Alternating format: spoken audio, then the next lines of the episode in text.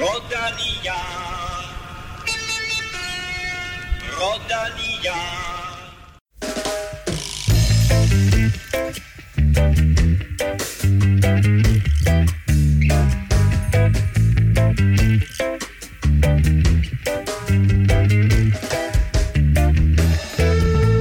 Efter et par ugers fokus på en rapport, en fugl, en Ferrari og en and, så er det nu blevet tid til at fokusere på det, vi alle sammen holder mest af i cykelsporten, nemlig det sportslige.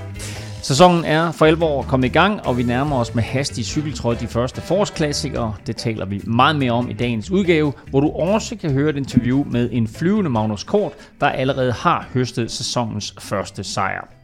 Vi skal også snakke norsk bjergged. Kim vil gerne forklare noget med Cantana, og Stefan har som sædvanligt ikke noget at byde ind med.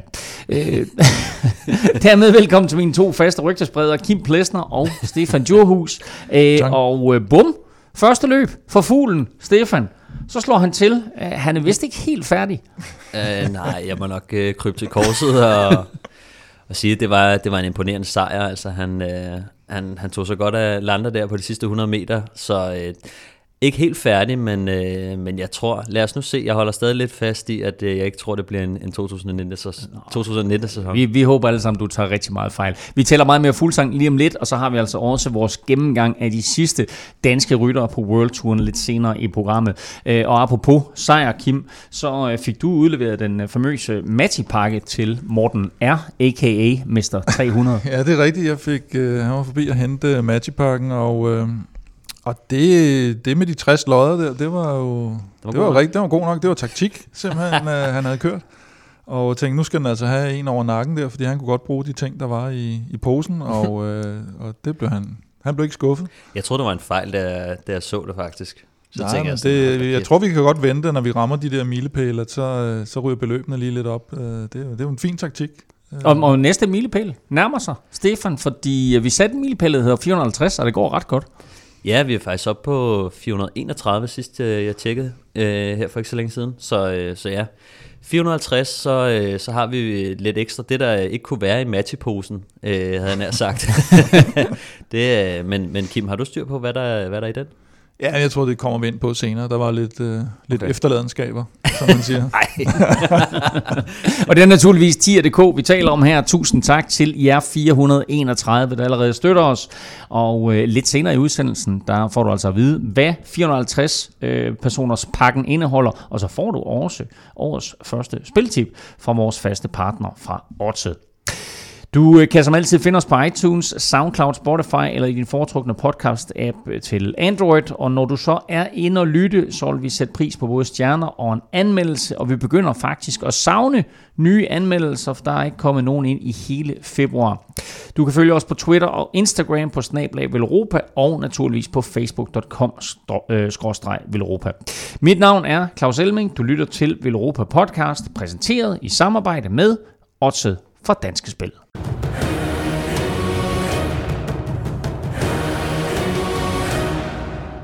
Vi lægger ud med den seneste historie om Jakob Fuglsang, og den her, den holder vand. Onsdag nappede den 34-årige dansker nemlig i fornem stil første etape af Vuelta a Andalucía, også kendt som Ruta del Sol. Kim, han viser allerede samme form som sidste år. Ja, jeg, øh, jeg kan ikke huske, hvem det var, jeg talte med her i går. Og så, hvor det var lang tid siden. Ja, det er lang mand. Virkelig... hvem var det, jeg talte med? der var nogle mennesker. Øhm, nej, men det der med, at øh, vi nok bare skal til at vende os til, at han er på det niveau. Altså, at, øh, at det sådan er... Det er jo der, han er. Det er, sådan, det, det, det, det, det er bare ærgerligt, det, det, det kommer sådan en ret sen alder, ikke? Altså han er 34 nu, vi kunne godt have, have savnet det her for, for 10 Nå, år siden. jeg mener, at, at stabiliteten har været til at få øje på siden, siden øh, starten af sidste år, ikke? På nær, når der har været skader i Grand Tour øh, sammenhæng ja. også. ja. Men altså, øh, hvad, hvad siger det her, Stefan, om den måde, han timer sin form på? Altså, man kan vel sige det på den måde, han lærte lidt af, af sidste år? Ja, det tror jeg. Altså lige, lige nu, der, jeg kan se på hans løbsprogram, øh, hvis det holder stik, der var nogle, øh, nogle fejl i, i det, jeg lige kunne se. Øh, det var noget med nogle løb, der, der gik ind over hinanden. Men udenbart så virker det som en, øh, som en kopi af 2019, og, og det, det er der en god grund til. Det var en, en vindende strategi, så, så hvorfor lave om på det? Men, men han skal jo køre øh, Giroen øh, i år, øh, og tror også, han skal køre turen. Øh, så øh, det, bliver, øh, det bliver et lidt hårdere løbsprogram, set på den måde, at, at han plejer at komme godt fra start, som han også gjorde sidste år i, i Ruta del Sol. Øh, den skal han så holde frem til Ardenner-klassikerne i, i april, men så springer han så hovedkuls ind i en, en Giro d'Italia, øh, og det tror, jeg, øh, det tror jeg bliver svært i forhold til, at, at han skal jo køre, køre den opad herfra til, til Liège Bastogne Liège i hvert fald, og så, øh, så gå direkte ind i, øh, i Giro d'Italia, så det bliver lidt, lidt sværere løbsprogram i år, sådan umiddelbart. Altså frem til Liège Bastogne Liège, der ligner det umiddelbart det samme. Øh, derfra, så, så bliver det lidt svært at se i, i Giroen, i hvert fald hvis han vil gå efter noget, noget samlet, men det kunne også godt være, at han, han vil gå efter øh, et tappesejr, ligesom han gjorde i, i Vueltaen sidste år. Altså der er meldt ud, at han er kaptajn i Giroen, øh, og så siger du øh, formentlig også med i turen, og det bliver i givet fald som hjælperytter. Mm. Og så skal vi bare lige holde øje med også, at der er det her OL. Mm. Og øh, det er jo et spørgsmål om, altså, at nu ligger han allerede nu her og vinder etaper i Ruta del Sol, der er altså lang tid til august og til Tokyo. Kan han holde en form så lang tid? Åh, oh, det er jo der bliver nødt til at være, hvis, i hvert fald hvis man vil helt op på, på de 100% Altså, det skal vi også huske på, at der er mange cykelrytter, der kører, der kører cykelløber og laver resultater, når de er på en 90% øh, som er lidt mere øh, øh, holdbart, eller som man kan holde i længere tid. Men skal man helt op og, og ringe, så bliver man nødt til at, at lege med nogle, øh, nogle formkurve. Og øh, der bliver han jo nødt til at vælge, i hvert fald hvis han vil peak nogle steder, og, og hvor han vil bygge op hen. Så, øh, så det er ikke muligt at være 100% i så lang en periode, men, men han bliver så nødt til at vælge, hvor han vil øh, peak hen. Han øh, vinder første etape i øh, fornem stil. Han og øh, Michael Landa øh, stikker af øh, på den sidste stigning, og de sætter altså lynhurtigt øh, alle andre på plads og får et stort forspring, og da de så rammer målbyen, så øh, kommer der endnu en stigning, og der sætter øh, Fuglsang så trumf på, og øh, sætter faktisk Landa med 6 sekunder på, den sidste, på de sidste par hundrede meter. Øh, så imponerende øh, punch, han viser der Fuglsang, lidt ligesom vi så i øh, Flesh Vallon sidste år, og øh, også i øh, Liège-Bastogne-Liège. Øh, Kim, øh, Ruta del Sol her, hvor stort et løb er det? Nej, men det er, jo ikke, det er jo ikke det største spanske løb, selvfølgelig. Det er Vuelta i Spanien, men øh, under, under Vueltaen har man ligesom haft øh, to sådan rigtig store løb, som har været øh, Katalonien rundt og Baskerlandet rundt, som er de, de to største etabeløb ud over Vueltaen. Og så er der en, har der været sådan en række løb nedenunder det, hvor Ruta del Sol jo så er et, et af de største i, hvad skal man sige, tredje række. Og, og, og hvad skal man sige, historisk og klassisk også, men, men som man kan se af, af, af, af feltet, og, og som man kan se af den første etape også, at det er ikke sådan, altså, det er ikke sådan, der er 20 mand med i toppen. Det er allerede skilt øh, rimelig meget ud, ikke? Man bliver også nødt til at se mere på feltet, end man på løbets størrelse. Altså, mm. øh, det er jo feltet, der afgør, hvor svært det er at vinde. Øh, så, ja. så man kan se, at, at det er Fuglsang og, og Landa og Toynes, Jack Hague, Isagite, Pelo Bilbao, der ligger i toppen. Altså det er jo ikke mm. de aller, aller største, tungeste drenge, så, så det, det er nok også mere feltet, man bliver nødt til at kigge på. Ja. Men, det, men trods alt, altså øh, Michael Landa, som, som uh, fuglsang lå og, og bokse lidt med i turen sidste år, altså han får sat ham ganske alvorligt her, uh, viser sig både som en bedre nedkører, uh, og som en bedre opkører end Landa i, på første etape. Ja, det gør han. Altså, han havde fuldstændig styr på ham. Øh, det er jo Lander, der angriber, og så øh, kører Fuglsang sådan rimelig elegant op til ham, og, og de følger så ad til, til det sidste afsæt, hvor at, ja, altså, han kigger så en gang tilbage, Fuglsang. Han, jeg tror, spids. han havde set, øh, at han havde overtaget, ikke, og, og, og lukker ganske overlænt op med 100 meter tilbage, og den, den var rimelig sikker. Hvis man øh, kigger på, på sidste år, hvor han jo vinder Ruta del Sol øh, Fuglsang, kan han så gentage bedriften? Sagtens. Øh, det gør han jo højst sandsynligt, som, som det ser ud lige nu. Altså, han er primært op mod, mod Lander, øh, som, som man kunne se, at det var de to stærkeste. Jeg tror, at Jack Hague synes jeg så okay ud. Det var også ham, der primært øh, stod for, for jagten, hvor at øh, Pelo Bilbao, som kører på hold med Lander, bakket af, og Jonas Egide øh, bakket af for Fuglsang. Så de havde de stærkeste mandskaber også til at, til at lukke ned øh, bag dem. Øh, men det, som jeg synes er er lidt farligt i forhold til, til det, det er, at Atlanta faktisk har et, et mega stærkt hold med. Øh, jeg, jeg kiggede lige på, på hvem han er med. Han har Dylan Toynes med, som også ligger godt øh, samlet. Øh, de har Mark Padun, Soli Colbrelli, Pelo Bilbao, Damiano Caruso og Mohodic med. Øh, klart, klart stærkere hold, end, end det Jakob har med. Øh, han har øh, Jonas Aguirre som sin stærke hjælperytter. Øh, men øh, jeg, jeg tænker, at de skal nok ud og, og prøve at angribe øh, Jakob, øh, fordi at med det hold, de har med til start, der kan de ikke være tilfredse med en, med en samlet andenplads. Der bliver de nødt til at gå ud og skabe et eller andet. Der er øh, tre etapper tilbage. Øh, torsdagens anden etape blev vundet af Gonzalo Serrano fra det lille lokale hold øh, Caja Rural. Øh, Fuglsang han fører sammenlagt med 6 sekunder til Landa, og så 23 sekunder ned til Dylan Tøns. Tredje og fjerde etape køres fredag og lørdag. Det er begge bjergetapper, mens løbet slutter søndag med en 13 km enkeltstart i Mijas. Vi taler meget mere fuldsang, når vi gennemgår de største danske stjerner lidt senere i udsendelsen. En af cykelsportens største profiler, 30-årige Nairo Quintana, skiftede efter 8 sæsoner Movistar ud med franske Arkea Samsic fucking Quintana, og er du ikke med på den reference, så mangler The Big Lebowski i din filmografi, øh, er kommet virkelig godt fra start i sine nye opgivelser efter en anden plads ved det kolumbiske, øh, kolumbiske enkeltstartsmesterskaber bag Daniel Felipe Martinez, men foran Egan Bernal, og så en fjerde plads i linjeløbet, der var det i den forgangne uge tid til europæisk sæsonstart for Quintana på den nye hjemmebane i Tour de la Provence. Og øh, Stefan, det gik vel nærmest over al forventning.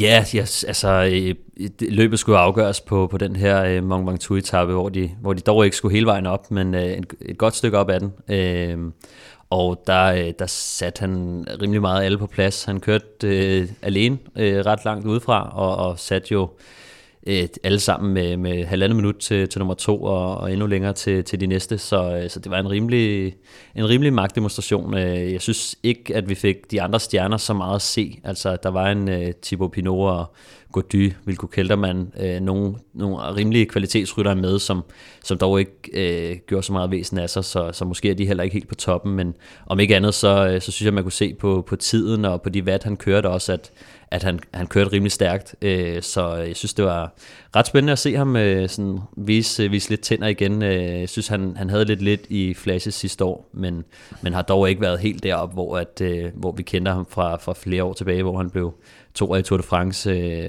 så jeg synes, at det, det er spændende, specielt når, som du siger, altså han er kun 30 år, så, så han er jo på ingen måde færdig øh, som gårdsanger, men... Øh, og så altså, slipper han jo for hele det her ballade med at, at, at skulle kæmpe om at være kaptajn eller ikke kaptajn. Altså her der er han den ubestridte kaptajn. Netop. Altså jeg tror også, det har været stressende for ham at, at være på Movistar. Øh, I hvert fald altså man kan sige, de år, hvor han var på toppen, der var det jo rimelig tydeligt, at, at han var stærkest. Øh, der var selvfølgelig altid Valverde i nogle løb, men, men øh, der har været lidt mere øh, mudder i det, og vi, vi har kunne se den forvirring, som der også har været på Movistar, de har jo ikke kunne finde ud af det internt, øh, og, og altså, nu ved vi ikke helt præcist, øh, hvor meget skænderi der har været, men man kunne helt klart se nogle, nogle uenigheder. Øh, på der holdet. har ikke været noget skænderi, for de talte ikke sammen. ja, lige præcis.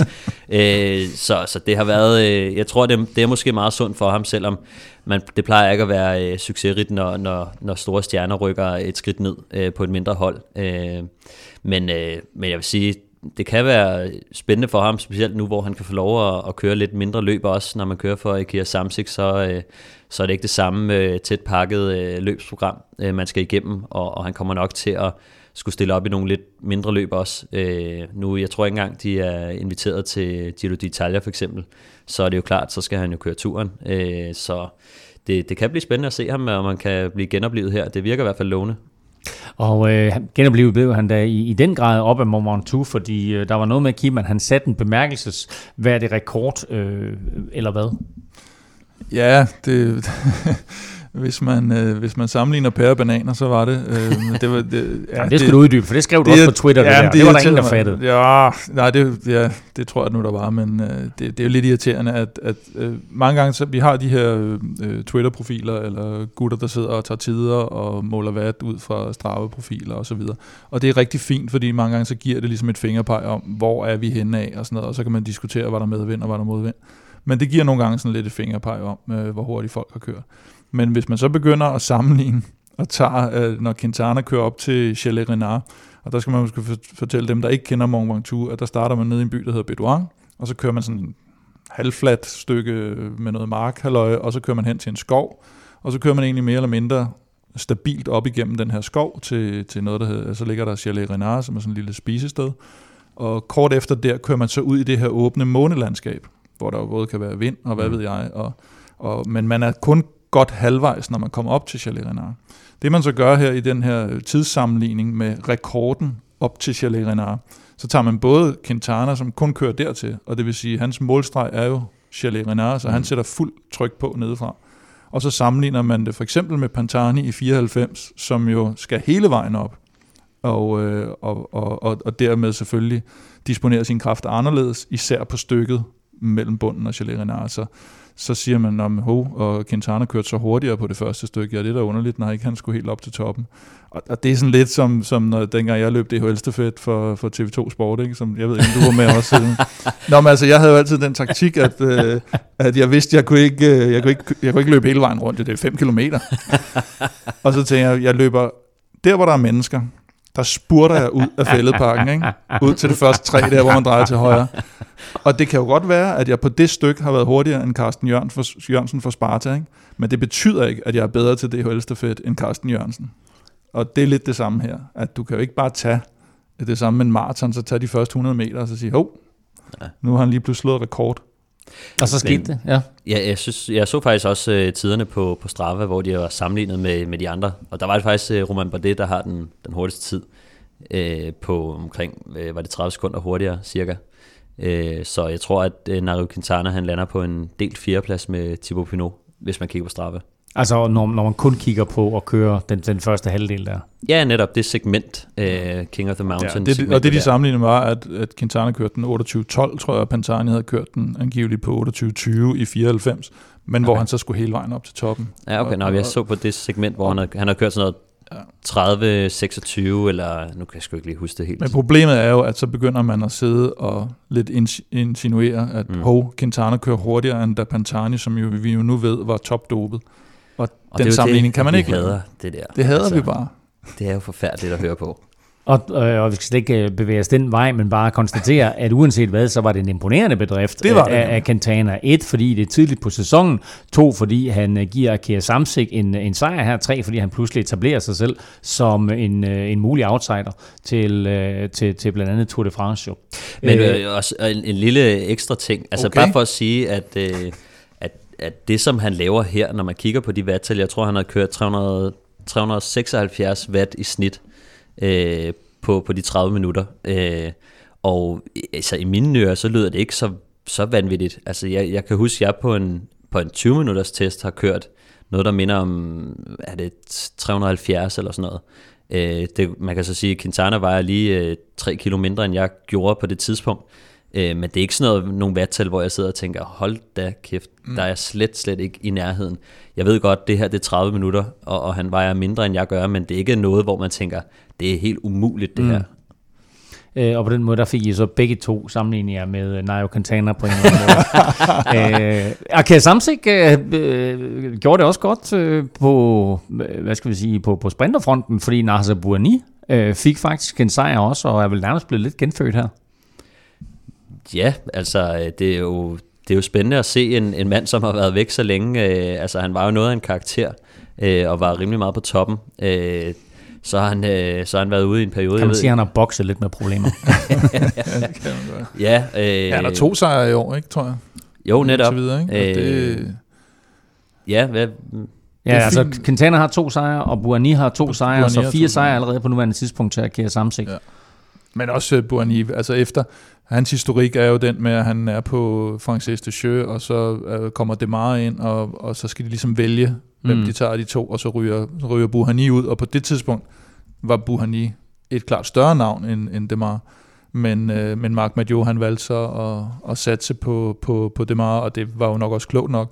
Og så røg Buhani ud i, hvad skal man sige, i nogle sæsoners øh, ikke stormvejr, men øh, i hvert fald ned, nedtur, og så, så nu virker det som om, at han måske er på vej tilbage her. Han har også været meget øh, forhat, kan man sige, i, i ja, den ja. Øh, periode der, ikke? for de episoder, han har været igennem, og, altså, som, som det røvhul, han, han jo egentlig har været altså i mange af de så var han op og slås med en lige før de franske mesterskaber ja. der øh, på et hotel og sådan noget, ja, og så han ikke kom med i tur. Altså, der har været en masse bøvl med, med ham, ja. og, og det, det kunne da være fint, hvis han... Øh, kan komme lidt tilbage igen. Ja, og en, en sjov sammensætning, de har på holdet, ikke? Ja. med de, øh, de egoer, de har, altså fra, fra Quintana og Bagil og, og Buani, som alle sammen har været lidt nogle kontroversielle øh, figurer, i hvert fald i perioder på, på deres øh, respektive hold.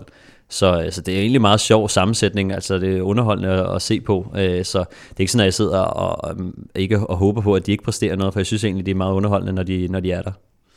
Bestemt, og øh, en, der måske også i de kommende øh, måneder eller år øh, kommer til at levere underholdning, øh, Kim, det er den 23-årige russer, Alexander Vlasov.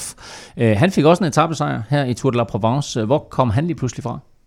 Jo, men han kom faktisk fra øh, at have vundet Baby Giroen, altså ungdommens Giro detaljer for, for et par år siden, så, så han har ligget sådan lidt i, i støbeskeen til, til, noget, til noget halvstort. Og så kørte han top 10 sidste år i Rute del Sol, som vi lige har talt om, som, øh, som fuglsang vandt som, øh, ja, det må så være som 22-årig, og øh, russisk mester, og, og kommer fra det her Gazprom Rusvelo-mandskab og har skiftet til at starte, så det virker som en, en meget naturlig karrierevej, han har taget sig der. Så, så han kan godt blive spændende at følge i hvert fald. Og når du siger Baby Giroen, hvad er det så for præcis et løb? Ja, ungdommens uh, Giro Italia, som jeg lige sagde. Ja, ja, men hvad hedder det? Er det ikke det, der hedder Valdir Osta? G- nej, nej, det, no. det hedder Giro, Giro d'Italia. Et eller andet Giro dell'Italia. Det er baby. det, det, det, det er bare Baby Giro. Ja. baby Giro. Ja, det hedder det. Niklas E. han blev bedste dansker med en 13. Øh, plads, mens Magnus Kort sad med favoritgruppen fremme på den stærkt grupperede anden etape, hvor favoritterne dog blev snydt af netop Alexander Vlasov, der kørte alene hjem til sejren. Og Magnus Kort, ham skal vi høre meget mere fra lige om lidt, men først... Der skal vi quizze. Og øh, Stefan fører jo 1-0. Øh, Han er i gang med at google, kan jeg se. Han er inde på Pro Cycling Stats. Nå, ej, du, er, du er i gang med at finde ud af, hvad det der løb hedder. Er du ikke det? Baby Giron. Åh oh, nej, det, det hed bare det der. Baby Giro? Ja. Hvad Et eller andet med cik- Ciclismo del, del Giro d'Italia. Aktie eller andet. Ja, jeg finder det nu. Øhm, det var, jeg tror, det var fuld, fuldstændig præcis, som jeg sagde faktisk. Det var det nærmest. nærmest. Giro Ciclistico d'Italia. Ja. Men øh, grund til min forvirring er, at jeg altid hører øh, danskerne, som betegner det her Val d'Aosta som det næststørste ud over ungdommens Tour de France. Og så spørger du, hvad er det for et løb? Øh, det er Tour de l'Avenir. Og så er et point til Stefan der. Og det var ikke, det var ikke quizzen, fordi quizzen den kommer her. Øh, og der skal vi have, have fat i et løb, som øh, bliver kørt om øh, halvanden uge. Nemlig omlop, øh, omlop Het Nusblad. Øh, og hvad hed det før?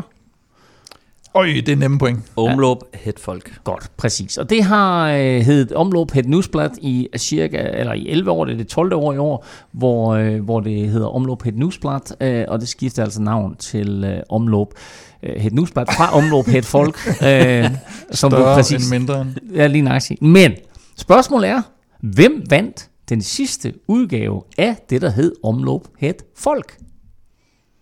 I hvilket år, sagde du? Ja, det sagde jeg jo ikke noget om, men jeg sagde, ja. at det var det 12. år i år. Så, så må I selv regne jer frem til det. Øh, så det er simpelthen spørgsmålet. Hvem, hvem, vandt, hvem vandt det? Øh, øh, hvornår, hvor længe sagde du, det hed Head, Head Newsblad? jeg tror, det hed Head Newsblad i... Kan det passe 62 år, tror jeg, det hed? Nej, det var folk. folk. Eller om, oh, ja, undskyld, det hed Folk i 62 år, og så har det heddet Newsblad i, i 12 år. Okay, så, så vi er nede i noget 8-9 stykker. Præcis. Super. Så ja. det er Nemt. dagens spørgsmål. Det tog lidt lang tid at, at få det formuleret, så I også kunne forstå det og så videre. Men øh, nu er vi der, og øh, der er kun én regel, og det ved I. Kim? Ja? I må ikke google. Inden denne sæson skiftede Magnus Kort Astana ud med EF Education First. Både holdet og Magnus har fået en forrygende sæsonstart. Kort tog den første danske World Tour sejr af forhåbentlig mange, da han vandt anden etape af Etoile de Bessage, hvor han også sluttede på anden pladsen på løbets enkeltstart og vandt pointkonkurrencen. Onsdag talte Kim Plesner med Magnus Kort på telefon. Han er i øjeblikket i Girona med sit nye hold EF Education First. Jamen, det går fint nok. Vi er på sådan noget media camp lige nu.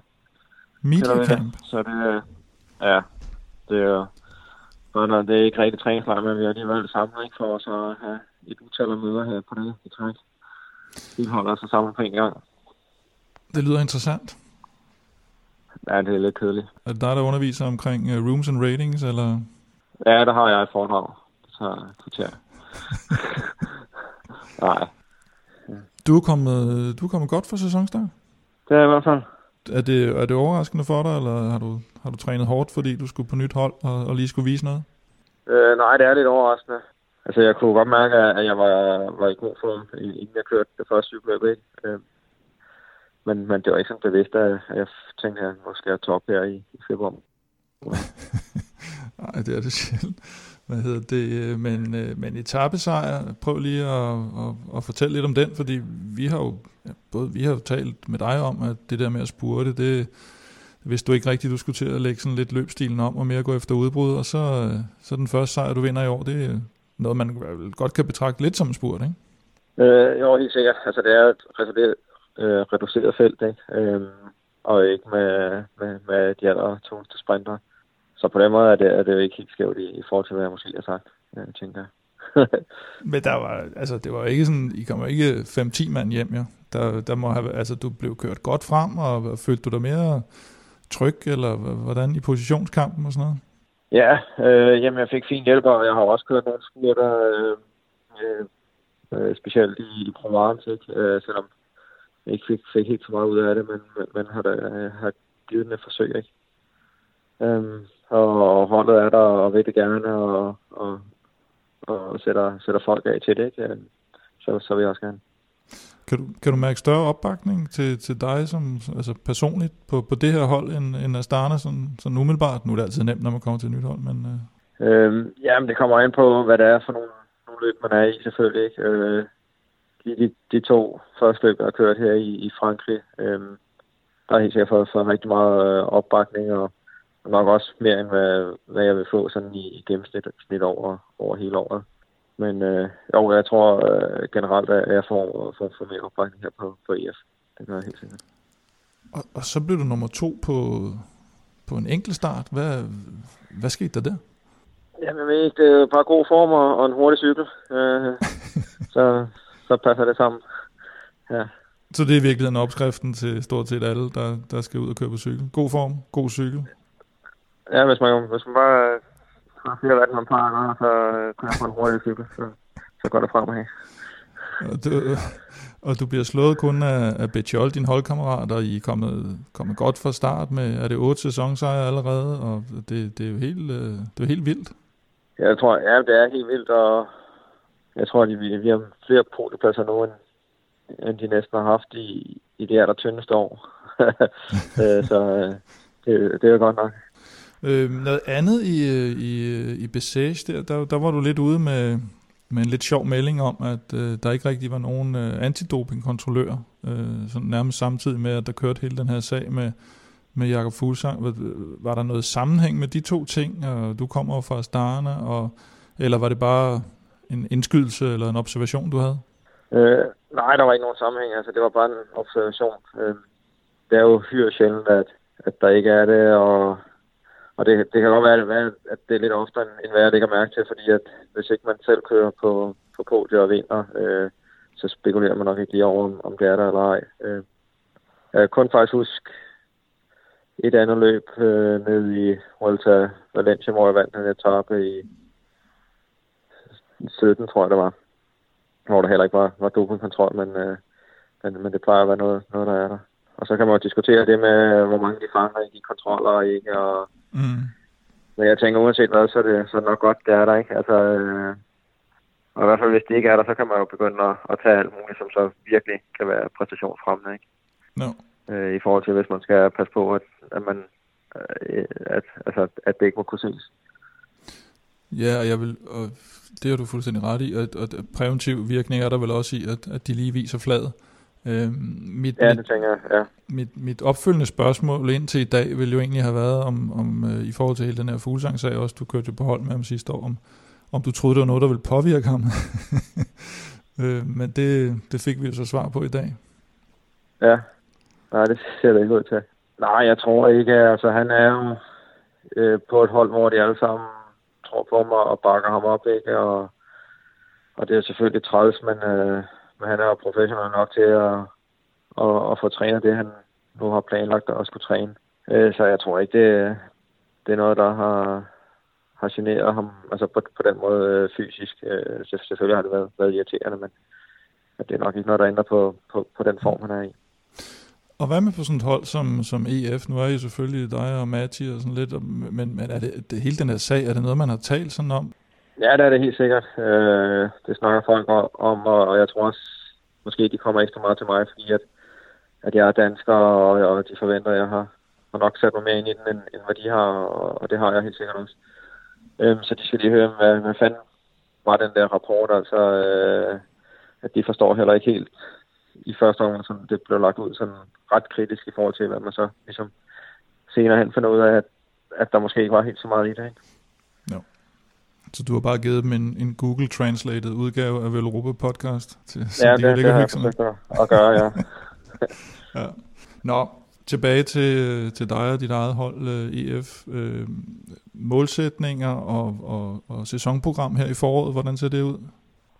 Jamen, nu har jeg en lille uh, pause frem til uh, Paris-Nice.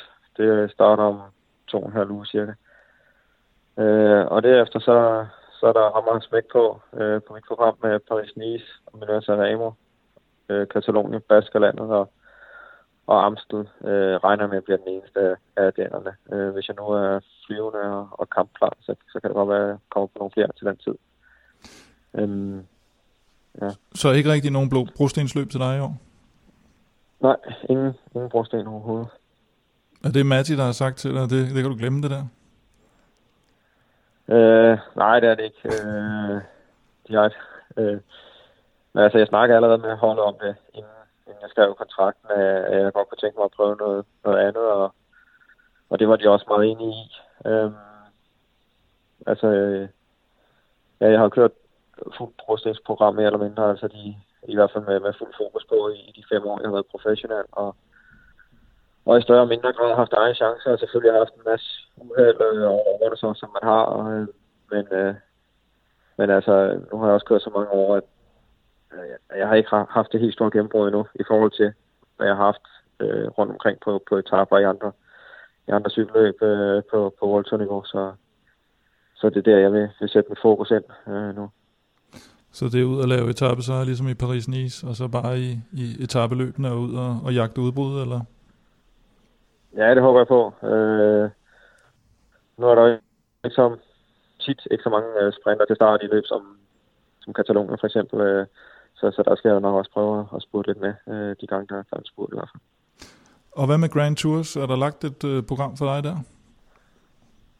Ja, planen er, er turen. Øh, men der må man jo altid lige se, øh, der skal man være velkørende for, for, for at blive udtaget, men, øh, men det var jo op til forventningerne, så, så, så kører jeg Tour de France. Okay.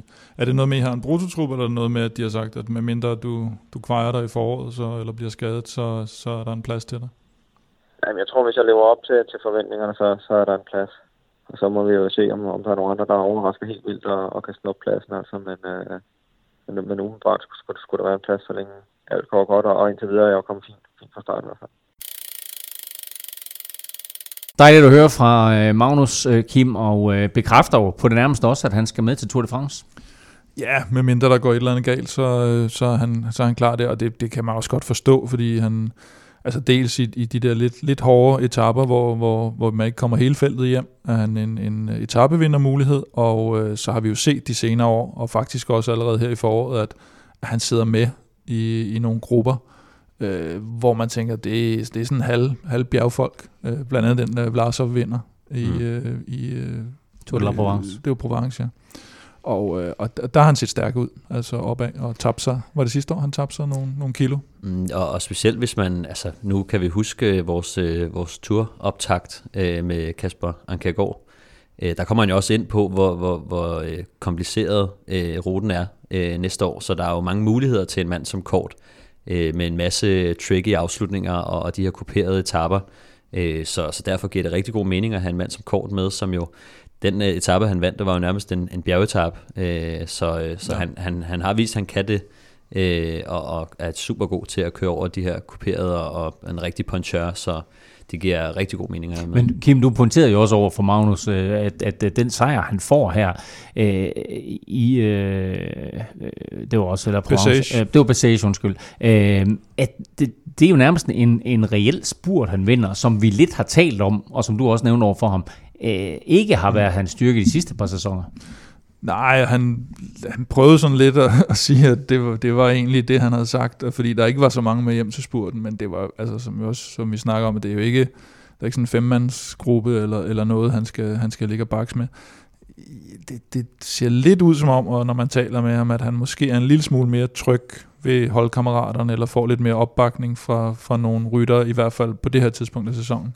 Og, og det er klart, hvis han, hvis han så lever op til nogle forventninger, så vil han jo blive ved med at få den, den støtte og den opbakning. Han havde jo flere danske holdkammerater, da han var hos Astana. Nu har han kommet til EF, og øh, der har han jo fået Matti Brichel som sportsdirektør. Øh, er det vigtigt for øh, Magnus og, og for den sags skyld for Rytter i det hele taget, Stefan, at have nogen sådan fra samme nation og noget, noget sikkerhed og noget tryghed på en eller anden måde?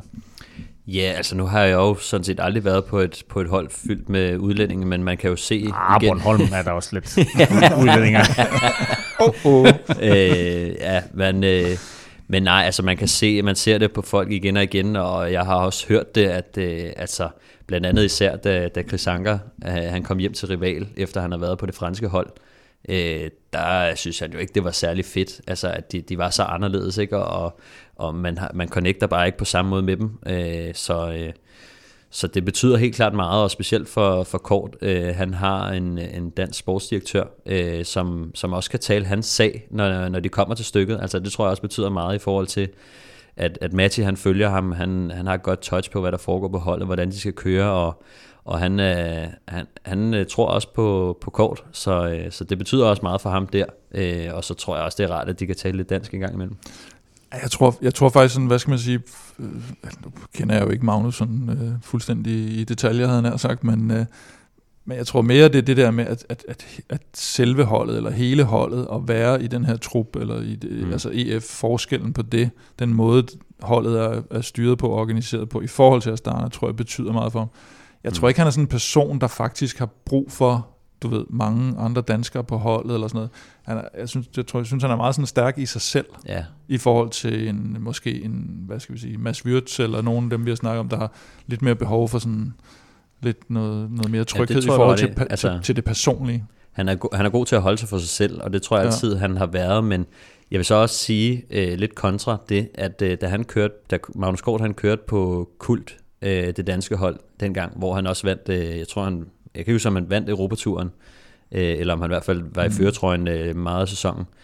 Der, øh, der vandt han jo sejre på stribe, mm. fordi han havde, altså holdet var på, på, på en eller anden måde bygget op omkring kort. Altså de kørte ham frem til afslutningerne, og han gjorde det bare færdigt igen og igen og igen. Så der så man bare en mand, der bare var i stand til at gøre det færdigt, når han fik holdets opbakning. Mm. Øh, så på den måde tror jeg, at det betyder meget, især fordi, at Magnus, øh, som vi kender ham, han er jo ikke den bedste til det her positionskamp, og hvis han bliver efterladt til sig selv, øh, så, så kan der godt gå lidt kage i, hvor han lige sidder henne på de givende tidspunkter. Har han så nogen, der kan sætte ham det rigtige sted, mm. så er det, at han bliver rigtig farlig. Og det er derfor, jeg synes, det, det er lidt spændende her, hvis han kan få noget opbakning for holdet. Og det siger han jo også selv, at, øh, at, at, at han er næsten er nødt til at afslutte, når holdet øh, gør det så godt for ham. Og øh, så siger han også, Stefan her, at, at det, det er ganske simpelt at vinde cykelløb. Det kræver bare god form og en god cykel. ja, men altså, det lyder, det lyder så simpelt, ikke? Men, øh, 10 armbøjninger og en SEO. Så virkeligheden, den er lidt svær. Altså, det er så enormt svært at vinde cykelløb. Altså, men, øh, men, øh, men jo, det virker simpelt, og, og han får det til at virke med, med de to elementer. Nu har vi lige talt om øh, Magnus Kort, og det er jo en øh, meget god måde lige at komme over og få færdiggjort de her danske øh, cykelryttere på World Touren, som vi har haft gang i i de sidste par podcasts her. Vil du høre om øh, vandbærerne og talenterne, så skal du høre vores to seneste podcast. Ah, spring lige de der to fuldsang podcasts over, men, øh, men ud over det, så øh, kan du altså høre om øh, de andre danskere på World Tour. Nu her, der drejer det sig om vores største stjerner, og øh, lad os først tage fat i øh, Søren Krav, Stefan, mm. fordi han har vel, kan vi godt tillade sig at sige, lidt revanche til gode fra 2019. Ja, det må man sige. Altså fra, fra 2018, hvor han jo nærmest var den mest lovende øh, danske cykelrytter, eller talent, øh, så, øh, så gik det jo lidt ned ad bakke i, i 2019. Øh, han startede jo, som et par andre danskere også gjorde i, i Portugal, med, med noget sygdom, øh, som satte ham lidt på, på bagbenene. Øh, og så havde han det her sidesår i turen. Øh, altså efter Portugal, så var hans forår jo nærmest ødelagt øh, oven på den her sygdom. Øh, og så når, de, når vi når turen, så bøvlede han med det her sædesår, som tvang ham ud, og, og så var han ikke udtaget til, til VM. Jeg ved ikke, om han selv har, har meldt noget på banen i forhold til den beslutning, men, men jeg kan huske, at vi talte med ham i, inden Paris Tours, øh, hvor han egentlig, altså, han, han egentlig troede lidt på det, og har synes, han havde haft det meget godt, men ender så ikke med at komme med til, til VM. Øh, så det, det er lidt ærgerligt. Jeg tror virkelig på, at øh, han har noget at vise, fordi at vi så ham i, i 2018, hvor han bare altså, var en okse, øh, og er virkelig en, en elegant og dygtig cykelrytter, så jeg glæder mig enormt meget til at se ham øh, her til omløb allerede, fordi at øh, han er en cykelrytter, der enten er 100% på, eller 100% væk. Øh, så jeg tror, det betyder meget, hvordan han øh, lægger for land, men, men øh, altså, når han er der, så er han der, og, og det kunne blive enormt spændende, hvis, hvis han begynder at melde sig på banen, fordi så har vi lige pludselig mange danskere, som, øh, som kan gå hen og, og, og være med i, i, i sådan noget løb som, som Omloop, Flandern, øh, på Rio for den sags skyld. Øh, han er helt sikkert en, en kandidat til, til en top 10, i hvert fald hvis, hvis han viser gode ben. Du har kørt rigtig meget mod ham. Hvad er ja. hans styrker? Øhm, jamen, altså, han er jo enormt, enormt stærk. Altså, øh, han er en, en klassikerrytter med, med punch.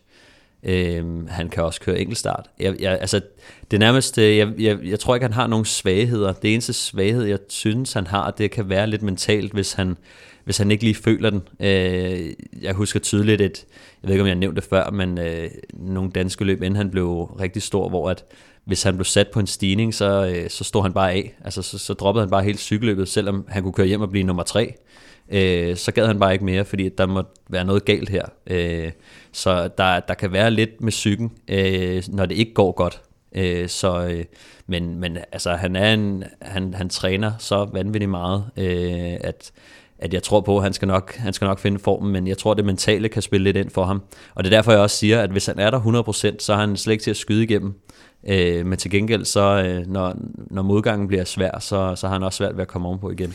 Ja, det virker nærmest nogle gange som om, at han næsten er overtændt. Altså han skal finde ja. det der balance, ja. han skal finde øh, spændingsniveauet ja. med at være sådan helt... Jeg kan også huske en gang, vi var i Flandern, hvor vi jo boede, jeg tror vi har talt om det før, hvor vi boede på samme hotel og sådan noget, om, om han lige havde tid til nogle ting og sådan noget. Og der var han, altså mange dage før Flandern, der var han gået i zonen, så han, ja. kunne, ikke, han kunne slet ikke tale med nogen.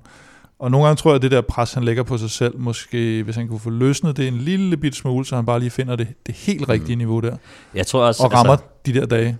Ja, men altså, han kan godt være lidt en, en ilter type, og det er derfor, at altså, han er jo enormt god teknisk, og det har jeg jo sagt øh, rigtig mange gange efterhånden. Er tekniker? Nedkører, ja, men, eller hvad var det? Øh, jeg har aldrig oplevet noget lignende, altså, øh, så, så det, det, det siger alligevel lidt. Altså, jeg ved godt, at jeg ikke har kørt med alle i hele verden, men øh, han, er, han er noget specielt, øh, når det kommer til, til den del. Øh, super, super god til at, altså har en rigtig god fornemmelse med, med at køre cykelløb. Øh, så altså... Øh, Ja, hvad fanden var det egentlig, vi snakker om nu? det var sådan en krav. Det var sådan en krav? Nej, det var, jeg spurgte faktisk til hans styrker. Og, ja, ja. Øh, og så gik du bare øh, i, i gang med en tale om, at han ikke havde nogen svagheder. øh, så jeg, jeg, jeg, jeg, det er også en styrke. Ja, det er en styrke. Øh, den sidste ting, jeg bare lige med, med, med Søren Krav, det er selvfølgelig, øh, vi husker sidste år i Tour de France, hvor øh, det ikke helt går, øh, som Sunweb havde planlagt i holdtidskørselen. Og der ser vi ham jo også, også det her ilter temperament, hvor han går hen nærmest og, og skælder og smelter på mm. nogle holdkammerater. Er det en god ting at gøre, eller er det noget, der sådan kan give bagslag på et hold? Øhm, jeg ved i hvert fald, fra, altså nu, for den tid, han kørte i, i Danmark, der, øh, der var der mange, der, der kan man sige, der ikke brød sig om, ikke om ham personligt, men om hans kørestil. Så han skabte sig en del uvenner på den måde, at han kørte på, at folk de, de kunne simpelthen ikke øh, lide, at han var så, øh, altså når man er god teknisk, så, så, så kan man også lave nogle finder, som går lidt ud over nogle andre, ikke? altså klemmer sig lidt ind i nogle, øh, nogle, øh, nogle, nogle huller, som, som andre ikke synes er der. Vi får lige kammertonen igen. øhm, men, men det vil jeg sige, på, på den måde han kører på, der, der, der kan det udfordre nogle andre rytter, og, og det kan skabe nogle, nogle fjender, men til gengæld, når man så vinder, øh, så, øh, så er det hele lidt undskyldt, så, øh, så man så også det år, øh, var det faktisk i Umlop, eller var det i Gent, hvor han, hvor han var oppe og toppes lidt med Nicky Terpstra? Det var i Gent, Gent Wevelgem. Ja, det var i Gent. Øh, så, så altså, det vil sige, det, nogle gange så kan det godt, øh, så kan det godt betyde noget, at, at hvis den måde man kører på, øh, skaber man for mange uvenner, så, så begynder det at blive lidt svært at, at være med i finalerne, fordi så, så sidder folk og, og ønsker, at du ikke vinder, øh, og det, det er ikke så godt. Øh, men, men jeg vil sige, at han, jeg, jeg synes alligevel, at øh, trods de ting, han har været igennem, så, så virker han som, som vældigt, øh, specielt på sit hold. Jeg glæder mig personligt meget til at øh, se Søren i det her forår her, øh, og har store forventninger til ham, for jeg tror også, at, øh, at han øh, lægger det der pres øh, på sig selv, Kim, som du omtaler, netop fordi, at hans 2019-sæson øh, var en skuffelse. Og så ja, i øvrigt, altså jeg glæder mig til at se ham, fordi Kim han har jo på forhånd spået, at, at foråret, det er ikke ham. Og der er jo... Jeg har bare konstateret, at han har stort set aldrig kørt godt i foråret. Som Men, det kan være, han jeg har, jeg har kørt mod ham prof, i et forår, hvor han... Øh, ja, på Sunweb, ja. Mm. Der har han måske ikke øh, været heldig, men øh, som jeg kender ham, så er han øh, modbydelig, når det, specielt når det er dårligt vejr. Øh, og det er sådan lidt modsat det, som du har det vil glæde mig. Det vil glæde mig.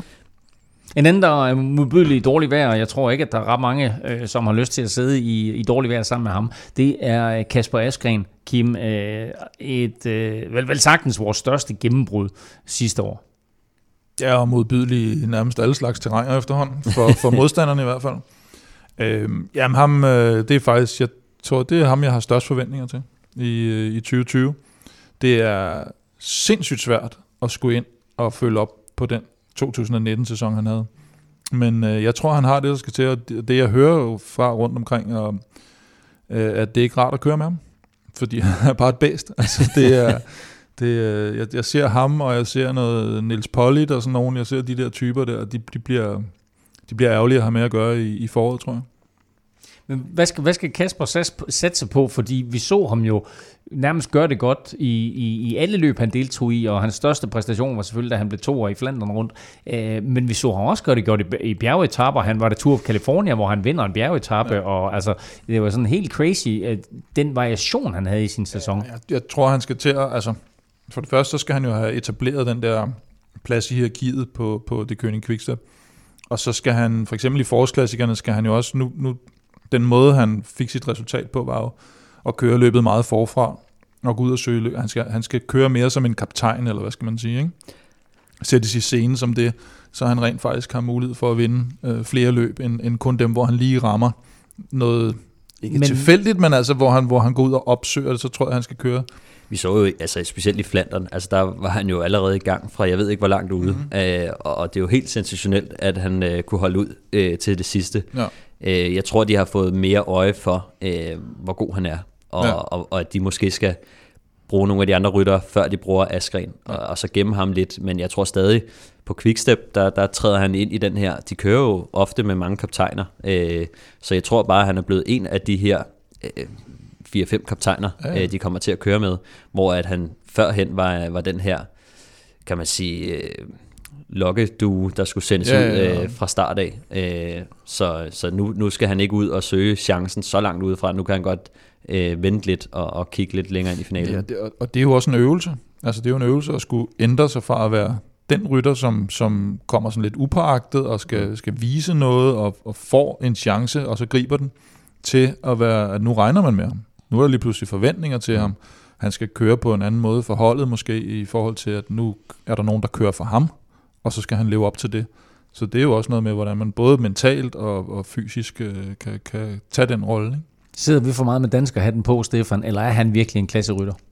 Ja, men han er en klasserytter. Altså, det, det er han virkelig. Og det, det kan vi jo se på den måde, som, som Quickstep de har taget imod ham på, og, og lade ham få øh, sine chancer. Øh, og at han er forhåndsudtaget til, til Flandern rundt og Paris og, og de store løb. Øh, altså sidste år, øh, der snakkede vi om, at øh, han skulle være heldig, hvis han kom på holdet. Nu er han forhåndsudtaget, så selvfølgelig er han en, en stjerne, og det, det kan man kun, altså når man ser på holdet, altså hvis Quickstep allerede forhåndsudtager ham, så må der være noget om snakken. Øh, så det er ikke kun os, der sidder og, og tænker, at han er dygtig. Det, øh, det gør de også øh, på holdet og internationalt. Han er et bæst, og han er så giftig i sig selv, brostenen er bange for ham. du får de sidste tre stjerner lidt senere i programmet.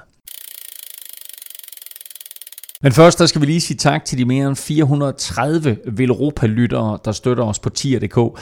Stefan, vi havde vel nok frygtet lidt, at det ville gå ned ad bakke efter, at den her store matchipakke øh, den blev udløst, men øh, det er gået lige modsat. Ja, altså vi havde jo forventet, at det var et, et trækplaster, og det, det var det også, men, øh, men der er stadig de, de trofaste, de holder ved. Så ja, vi er på 431 nu, og, øh, og kravler sådan rimelig hurtigt op mod de 450, så, øh, så det bliver, det bliver snart, at øh, det næste præmie kommer.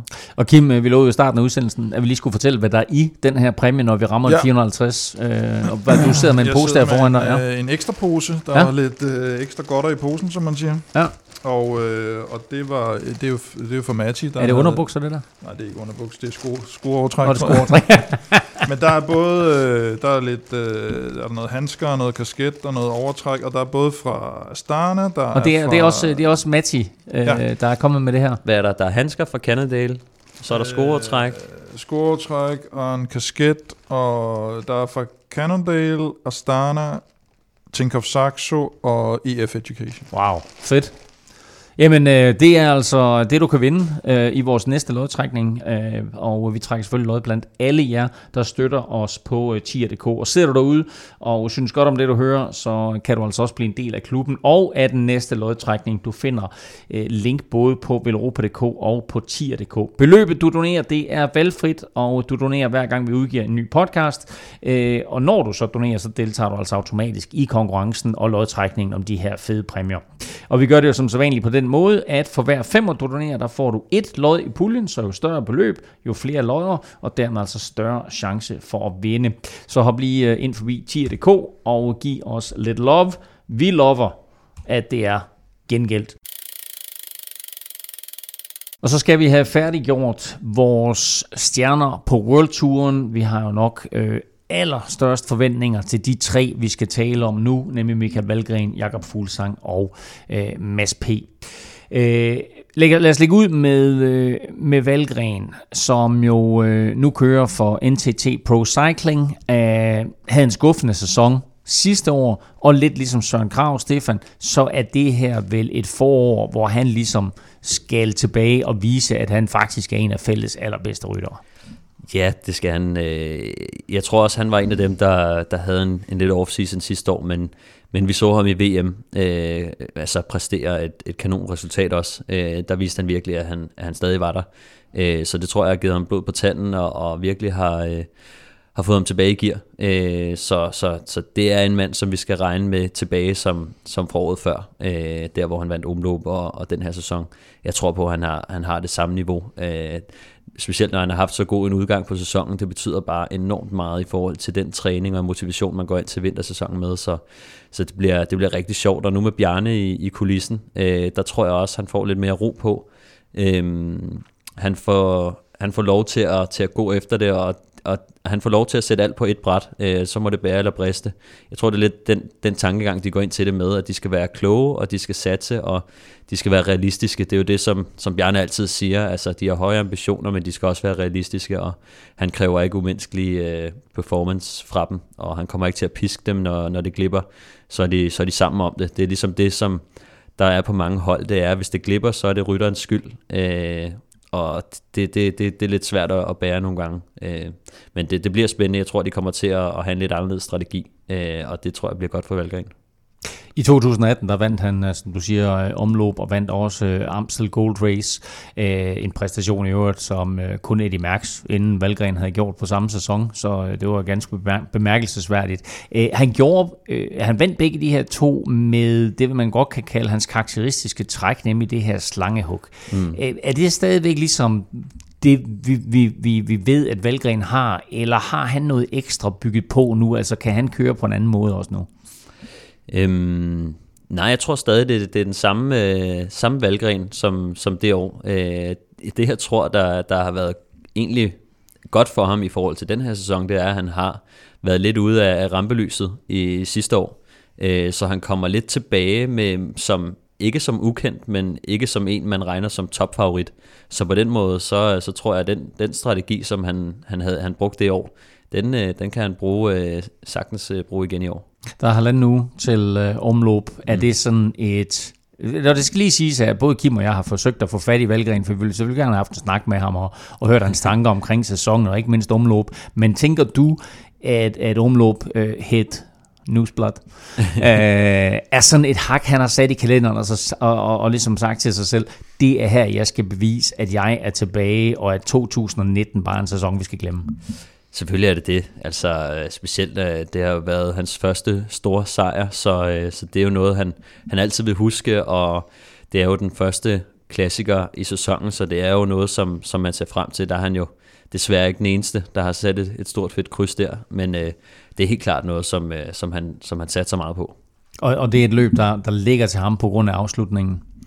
Ja, det er det jo. Altså, det er jo en, en, en, et, også et lidt tricky løb, øh, men, men, men ikke det mest, ja, selvfølgelig er det krævende, men øh, det er ikke lige så udfordrende som, som et flandert rundt. Øh, så det er et løb, som, som tynger ud i, i, i feltet, og som, som efterlader det til, til Ponchers, og, og det, sprinterne, altså det plejer jo ikke at blive en sprintafgørelse, så, så det er også lidt der. Øh, der er nogle løb, som, som godt kan gå ind og, og blive lidt øh, mere sprinterbetonet. Øh, men, men på den måde, så er det et, et, et hårdt løb, og et løb, hvor, at, hvor det typisk kommer hjem i, i mindre grupper, hvor man netop kan, kan lave den her sniger, fordi at, at de andre hold ikke har så mange hjælperyttere til at trække det sammen, øh, eller de måske selv er interesseret i at splitte det. Kim, øh, Stefan nævner øh, Bjørn Ries her, og det faktum, at han er kommet ind, og, og, og hvad han kan give øh, Michael Valgren. Øh, der er vel sagtens ikke nogen tvivl om, at det også har betydet noget for Valgren, at Lars Mikkelsen er til stede på NTT. Hvad, hvad, hvad, hvad, kan, hvad kan Lars Mikkelsen med sin erfaring give videre til Valgren? Jamen, det, jeg skulle faktisk lige til at sige, at vi, vi skal heller ikke glemme uh, Lars Mikkelsen, som, som Valgren vel også havde hos uh, Starner.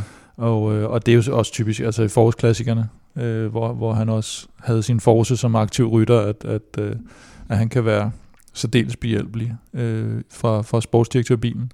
Og der, der er Lars jo klart bedre øh, rent taktisk og sportsdirektørmæssigt end, end Bjarne for eksempel, som jo, som jo er bedre i etabeløbene og, og, og, og ligesom diktere, hvad for en måde de skal køre på der.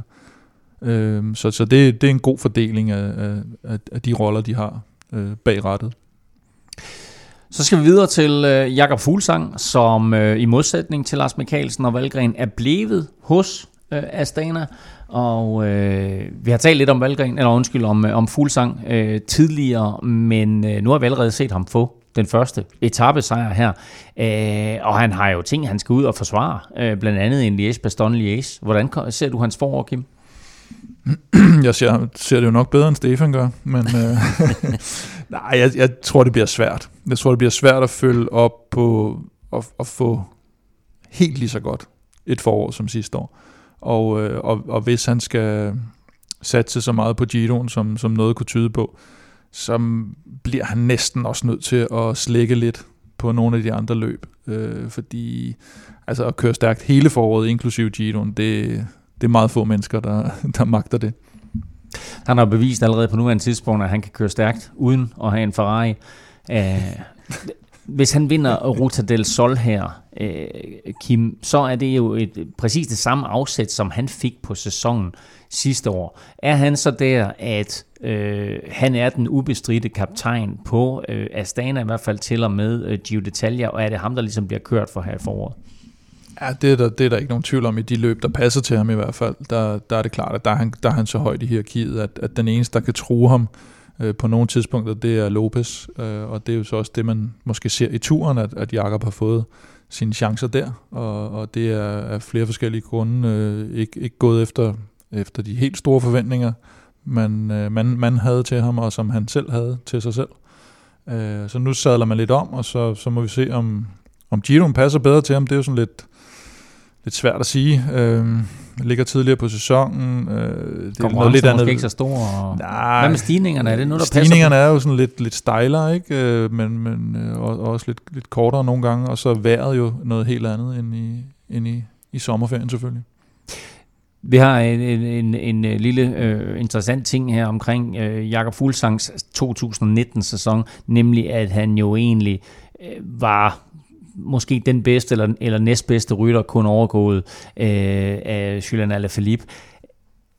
Alligevel så blev det Mads P., som blev kåret til årets danske cykelrytter, selvfølgelig på grund af, at han vandt verdensmesterskabet, men vil Europas lyttere mente jo, det skulle have været fuldsang, der skulle have været mhm. årets danske cykelrytter. Ja, men det, der er jo også, altså, og det er jo sådan lidt årets rytter.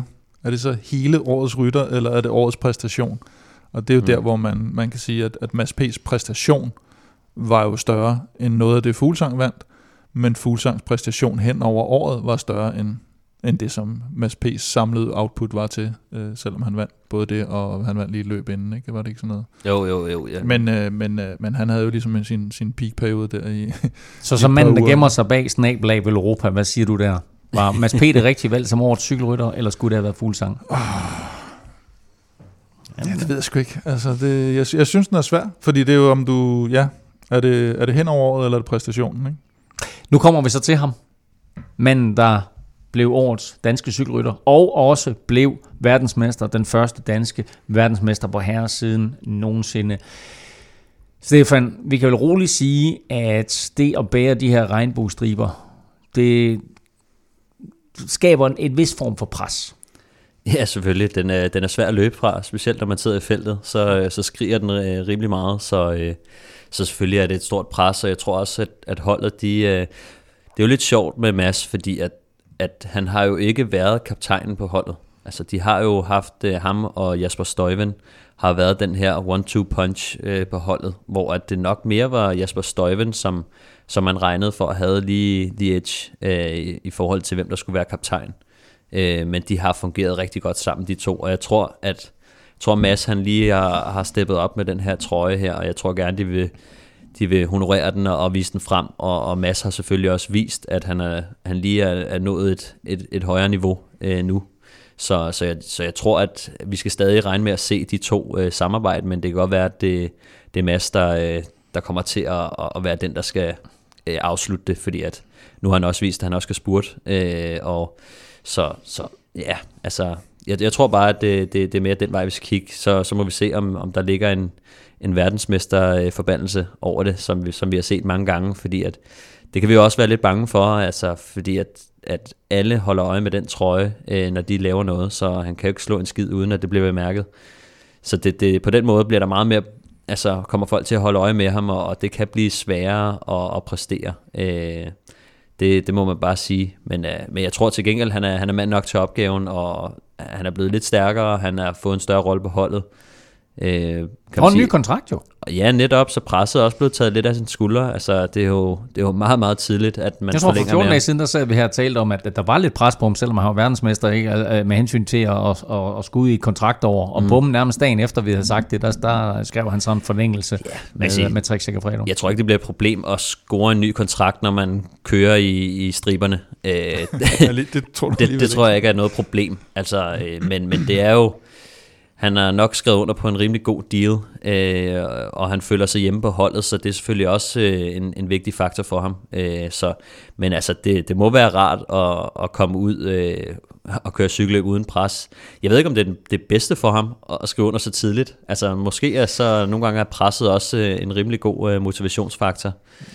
Jeg tror, altså, jeg tror, som vi også har været inde på, tror jeg sidst vi talte om, at, øh, at han er sådan en, der kan gøre de der store ting færdige. Mm. Øh, og det, det, det er på en eller anden, det var dybt sensationelt, at han vandt VM, og så alligevel, så, så er han sådan en type, der kan gøre sådan ting færdig. Det ved, det ved man mm. bare på en eller anden måde, ikke? og det tror jeg også kommer til at kendetegne måske hans, hans karriere fremover, at, at så vinder han skulle måske lige i Roubaix en dag, men så kan det godt være, at han går tre måneder uden sejr. Mm. Øh, så men han havde jo lidt en tilsvarende sæson sidste år, som vi så fra Krav og fra Valgren, at kunne ikke rigtig få det til at spille i foråret, øh, hvor de to andre var ramt af noget sygdom, så vi, kunne vi ikke helt finde ud af, hvad der, hvad der, hvad der var ligesom var vejen med Mads. Og så kommer det her efterår, og især selvfølgelig øh, afslutningen, hvor han, jeg mener, han vinder et løb lige inden VM, ikke? Og så øh, kommer... Og så, Grand Prix de Gisbert.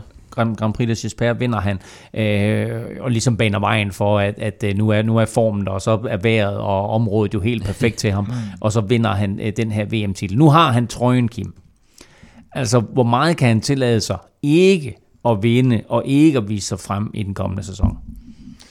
Ja, men altså man kan sige, med, med kontrakten har han jo ikke sådan det der øh, direkte pres, øh, og så tror jeg meget af, det virker i hvert fald som om, når man ser den måde, de, de promoverer ham på for Trek det handler også meget om, om pressebilleder og mm. sjove situationer, og vise trøjen frem, og cyklen, og farverne, og alt det der. Så på den måde tror jeg egentlig meget, man bruger den der trøje til at og, og sådan lidt i gåsøjne blære sig med, at den har man altså på holdet. Man har mm. verdensmesteren på holdet. Og, og, og så er det selvfølgelig så er det op til, til, til, den, til den sportslige ledelse, hvor, hvor stort et pres de lægger på ham, og der, altså Kim Andersen er jo god til i hvert fald at, at dosere det pres. Øh, nu ved jeg ikke, hvor, hvor meget direkte han har med ham at gøre, men, øh, men jeg ser det egentlig ikke. Altså han er sådan lidt en... Øh, også hans han er, lidt, han er lidt ligesom den der angriber i fodbold, hvor du godt ved, at øh, han kan godt gå rundt i 83 minutter, og han laver ikke skid, men du tør ikke tage ham ud. Du siger, fordi han, du ved, du han, ved godt, at han scorer måske i det 87. 20. minut, ikke? Så jeg tror også lidt her, at de, de, jeg tror, han, har, han, får, han får lang snor. Han har også bevist, hvad han kan nu. Ja. Altså, så de ved, hvad han kan. Han er 24 år. Altså, det er stadig ungt, så han er på ingen måde færdig med at, med at udvikle sig. Øh, så... Øh, jeg vil ikke sige, at det er jo ikke fordi, at han, han så næste år vinder med, med to minutter til nummer to, men, mm. altså i VM, men, men han er ikke færdig som, som cykelrytter øh, og, og med at udvikle sig, så altså, øh, han er bare den karakter, som Mads også er. Han er, han er bare rigtig cool, øh, når det kommer til stykket. Øh, så jeg tror ikke, han selv jeg tror, han er god til at, at ryste af sig. Det der med, øh, altså, jeg tror ikke, han har nogen nykker på nogen måde. Øh, han ved udmærket godt, hvordan han er kommet frem til det her. Og det, den måde, han har arbejdet på øh, stenhårdt, det har han gjort øh, helt siden han var lille. Så, så den, den, der, øh, den der type, han er, den har han været hele vejen igennem. Og jeg tror ikke, at, øh, at VM-striberne det kommer til at ændre hans approach. 2019, der blev Mads Pedersen verdensmester, og han blev gift det får 2020 altså svært ved at leve op til, men uh, vi håber naturligvis på, at uh, Mads han viser striberne frem på fornemmeste vis.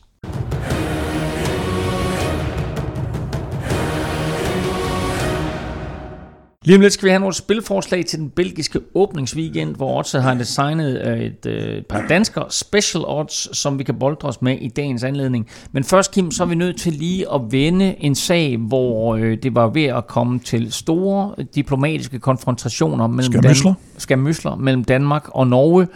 Øh, ja. iværksat af et øh, kontroversielt tweet, som øh, du øh, smed op. Nej, det var jo nu egentlig ikke kontroversielt, men det blev, det blev virkelig hypet op. Øhm, nej, men det var, jeg tror det var Mads Kakkestad, tidligere norsk cykelrytter, som havde lavet en artikel eller en udtalelse på, i et norsk medie, måske var det TV2 i Norge, om at det var stærkt sensationelt, at, øhm, at ham her, Thorstein Træen fra øh, Uno X, han havde kørt top 10 over i Colombia sammen med en, en del gode klatre.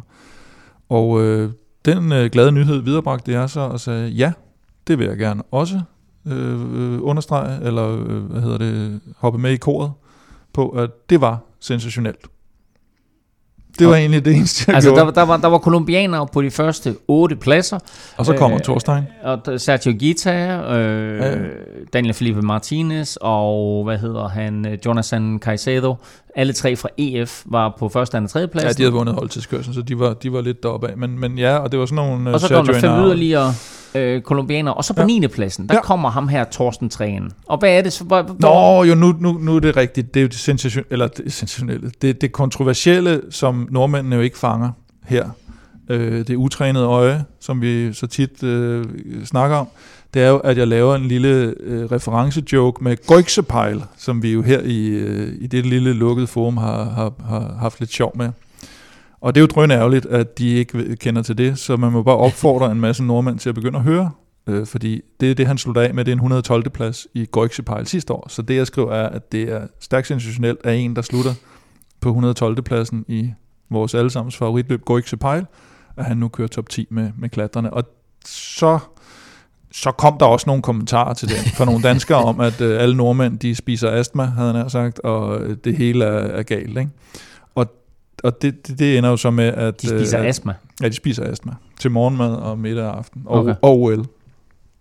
Og øh, så går det hverken øh, værre eller bedre, end at, at, at den gode Jarle op fra Jarle Fredagsvik, som jo er et fantastisk norsk navn, for Pro Cycling i Norge, han, han, øh, han farer jo blækhuset og skriver, at nu insinuerer vel Europa jo øh, nærmest, at, øh, at den kære Thorstein, stakkels lille Thorstein, at han simpelthen, øh, vi insinuerer alt muligt, at han dopet.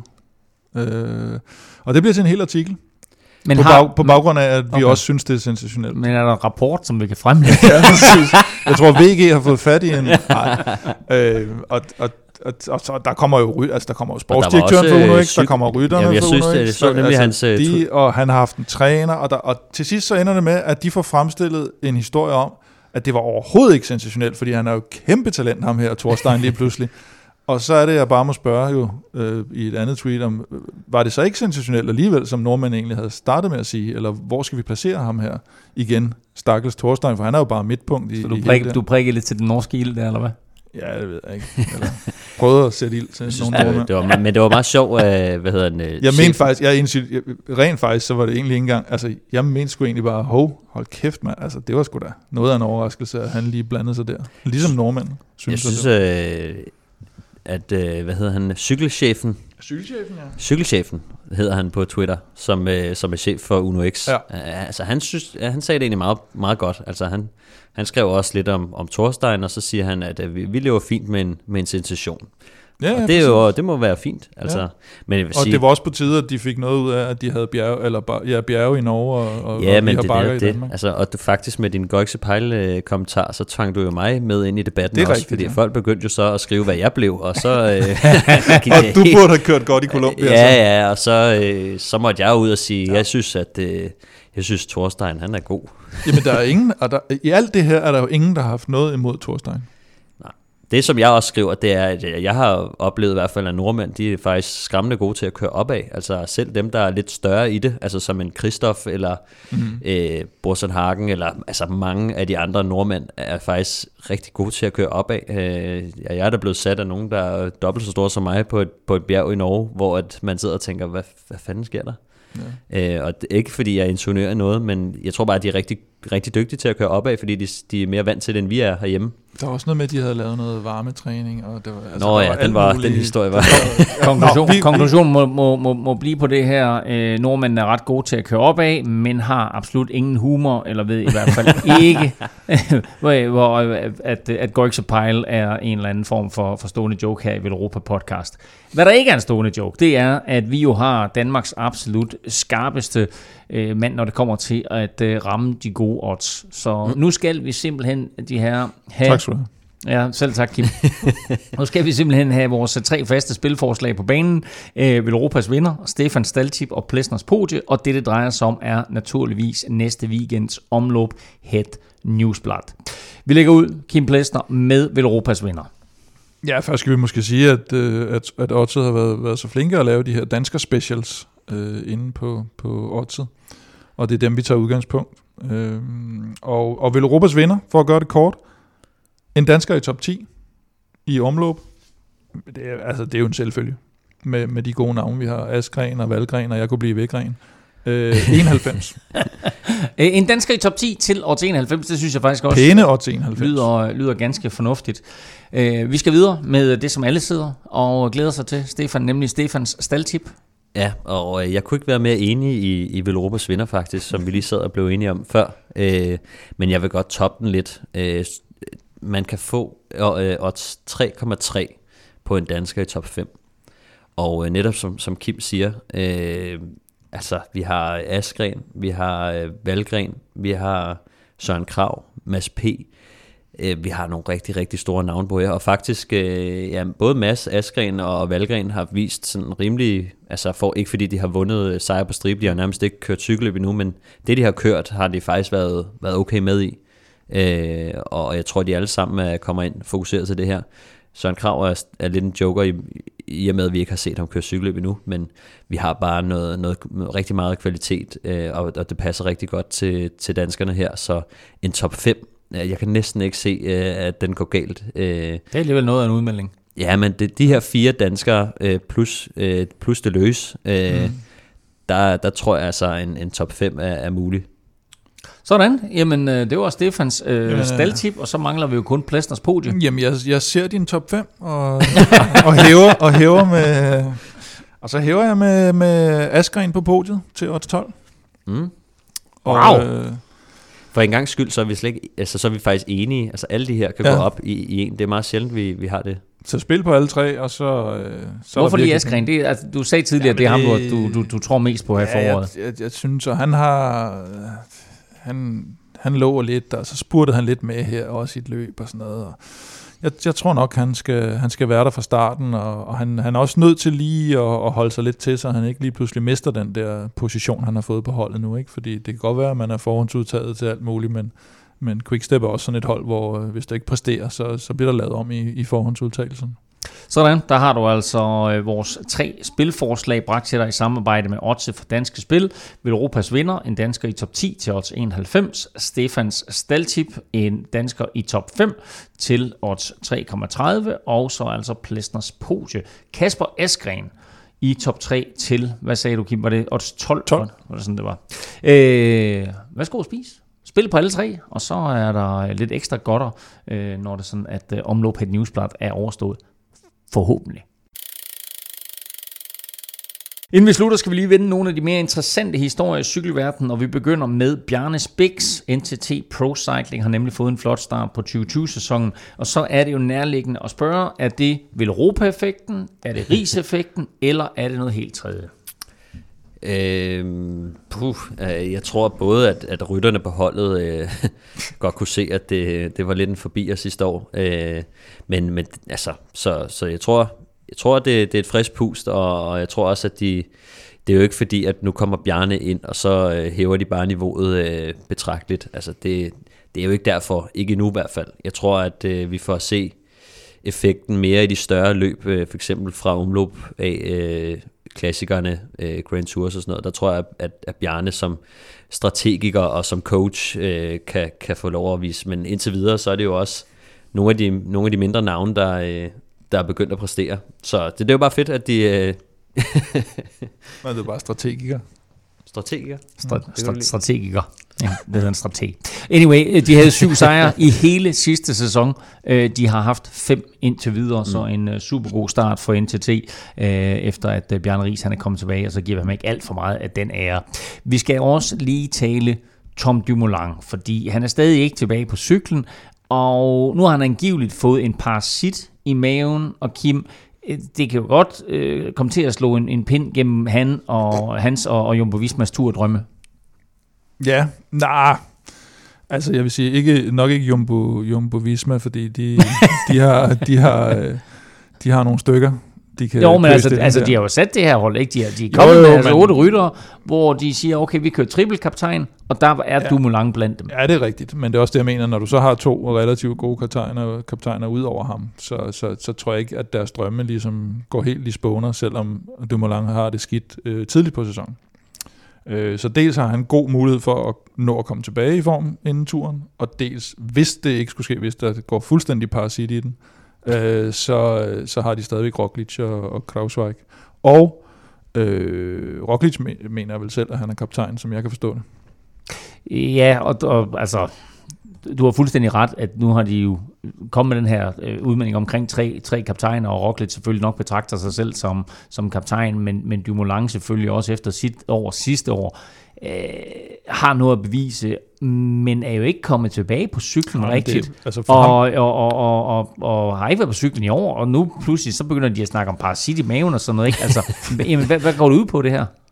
Øh, ja, sådan lige de tekniske detaljer kender jeg ikke til, men, øh, men, men det er rigtigt, at, at for, for ham personligt, øh, ikke så meget for holdet, men for ham personligt begynder det at se sådan en lille smule ærgerligt ud øh, med, med den, øh, den øh, nyere historik, han har. Ikke? Og der, der skal han til at, at tilbage på cyklen, skulle jeg til at sige, og det skal han også, det er det første skridt i hvert fald, Mm. og, og tilbage på toppen. Ikke? Øh, og, og det- bliver lidt spændende at se, med, med, fordi det er sådan lidt, "Nå, men nu kommer han tilbage, og så kommer han ikke tilbage, og hvad så, og så Parasiti med, og der, der, det, det bliver sådan lidt noget, noget øvbøv, ikke? Det bliver også, øh, nu, nu udskyder han jo sæsonstarten, ikke? Ja. Ja. Og får et, får et anderledes øh, løbsprogram, så, så det er også en, en justering, øh, der skal laves, og, og måske er det ikke, det er jo altid bedre lige at, at starte sæsonen ud og, og få en god fornemmelse og, og vide, hvor man står henne, og så bygge på derfra. Det er lidt sværere, når, når dit vindue for, for, kan man sige, hvor du skal ramme den, øh, det bliver mindre. Øh, så, så bliver det lidt sværere for ham at, at time det, fordi at det, det, det er sgu nemmere, når man, når man kan mærke det af øh, tidligt, og så, øh, så justere hen mod det. Og så samtidig, altså knæskade sidste år, og, og nu øh, får han lige mm. vendt op og ned på, på sæsonstart og, og forår, så, så lidt, lidt svært bliver det for ham i år, øh, men ikke umuligt. Og nu vi snakker Parasit i maven. Ja. Skal vi ikke snakke om Froome nu? Øh, jo, øh, du- der tog du mig lidt på sengen her, fordi jeg, jeg ville jo lave sådan en øh, fin overgang med, at øh, en mand, der ikke har været på cyklen endnu, øh, og vi ikke rigtig ved, hvornår han kommer på cyklen, der ved vi til gengæld, at Chris Froome får debut, øh, sin længe ventede øh, comeback, øh, Stefan, på søndag. Ja, altså det, det bliver jo enormt spændende. Altså han har jo selv været, været lidt ude at sige, at, at han ikke er helt, hvor han, hvor han burde være, og der er noget vægt, der mangler at gå op, og, men han... Øh, han op? Ja, altså ikke, at, at, ikke at, at vægten skal op, men, men han skal få tingene til at falde i hak, ja. ikke? Og, og han arbejder på det.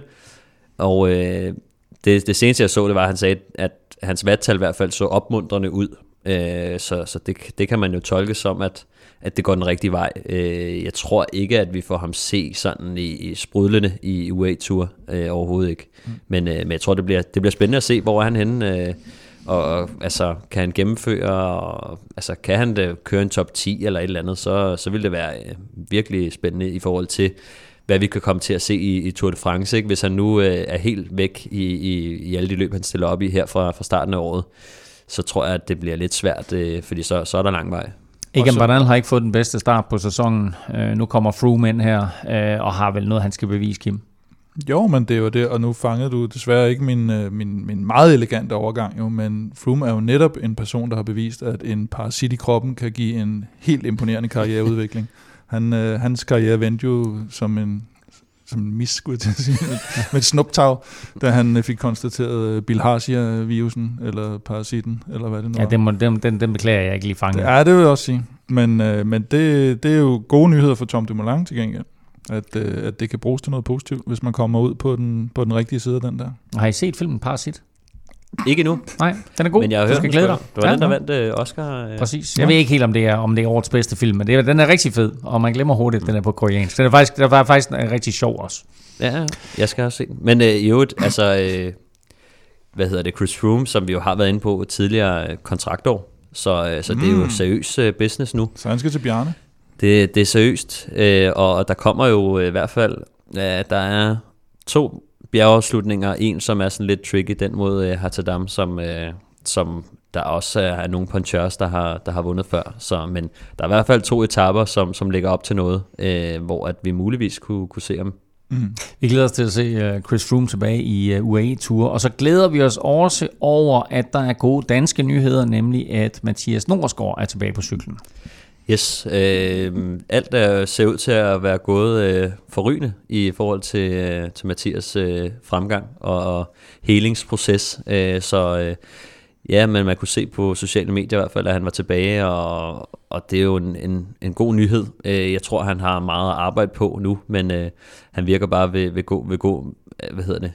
Godt mod. Ved godt mod øh, i mm. forhold til det hele, at det er gået som det skulle, og ingen veje i men. Øh, jeg tror, han, da jeg skrev med ham, der sagde han, at han havde noget med, med foden, der var noget følelsesløshed og noget, og, men, men det ser ud til, at øh, det hele er, er tilbage til normalt, så utrolig heldigt for ham, og, og, og vi må huske at, at hæppe lidt på ham i, i, i forhold til øh, at, at komme tilbage i form, men, men som han også selv har været ude at sige, han har mistet 10 kilo. Øh, især på meget af det på benene, så, så det kan tage lidt øh, i forhold til at komme helt tilbage. Og så skal vi naturligvis have fundet afgørelsen i quizzen. Det står altså som bekendt 1-0 til Stefan. Og øh, mit spørgsmål øh, til jer to var jo, hvem vandt den sidste udgave af det, der hed Omloop Het Folk, inden den blev omdøbt til Omloop Het Newsblad. Vi fik sådan efterhånden øh, os lidt frem til årstallet, og det er, Stefan, er du kommet frem til? Øh, 2008. 2008, godt. Og så er spørgsmålet jo så, ved i, hvem der har vandt i 2008. Kim, du er bagud, så du får sådan ja. set lov til at bestemme, hvem der har serveretten. Han ser rystet ud. Jeg øh, tager serven. Du tager serven, godt. Egentlig ville jeg have sagt Thorstein Træen. Men i sidste øjeblik ændrer jeg mit svar til Juan Antonio Fletcher. Juan Antonio Fletcher, det er et uh, godt bud. Stefan? Ja, det, det, det ville jo også have været mit bud. Nå, det, det, det siger du så tit, det der. Det Nej, det siger jeg jo det siger du ret ofte. Nej, fordi, fordi jeg, han har altid serveret. Det er altid Nå. mig, der skyder først, jo. Men, øh, ja, men det er jo, det er jo Fletcher. Så nej. Nej. Sig trombonen. Nej. Sig nu trombonen. Øhm, trombonen. Godt, jeg skal have et andet bud. Det er ikke jeg siger uh, Philip Gilbert. Sådan. Du siger Philip Gilbert. Ja. Øh, jeg kan hjælpe jer så meget, at øh, han vandt to gange på tre år. Uh, han vandt både i 2006 og 2008. Øh, første år, hvor øh, løbet hed øh, omløb hed Newsblad, der vandt øh, Thor Hushovd, apropos øh, hurtige nordmand, og vinderen i 2006 og 2008, det var nemlig ganske rigtigt Philip Gilbert. Hvor er det irriterende. det er altså helt vildt, det der. Ren og dermed, og dermed altså udbygger Stefan føringen til 2-0. Oh. Det, er, det er en imponerende føring her. Det er faktisk, Så jeg er ikke sikker på, at du på noget tidspunkt sidste år var foran med to, Stefan, eller du overhovedet på noget tidspunkt var foran. Men jeg tror ikke, han har vundet noget. 2-0 her. Mm, bing, bing. Og, øh, og dermed lægger du afstand til både Kim og øh, Jesper Petersen. Husk, at du kan finde os på de der sociale medier. Øh, Kim kan du følge på Facebook, Twitter og Instagram. Det sker på Snablag Velropa, og du kan altså også følge ham på Snablag Speedy Plesner. Tætter, tætter, tætter. Stefan finder du på Twitter, det sker på Snablag Stefan Djurhus, og undertegnet finder du alle steder på Snablag NFL Ming. Tak for nu, tak fordi du lyttede med, og tak til vores partner, Otze fra Dansk Spil.